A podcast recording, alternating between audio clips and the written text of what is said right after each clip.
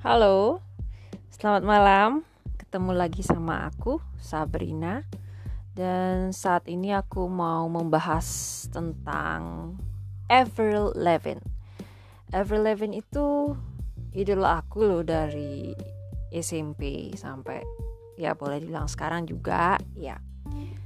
Uh, dia itu kenapa aku jadikan idola karena dia tuh waktu itu jadi penyanyi cewek yang benar-benar beda daripada yang lain seperti beda dari Britney or Christina Aguilera or yang lainnya itu karena dia punya style sendiri. Ya tiba-tiba berani tampil tomboy apa adanya gitu jadi aku langsung senang uh, aku suka banget album April yang pertama yang berjudul Let Go.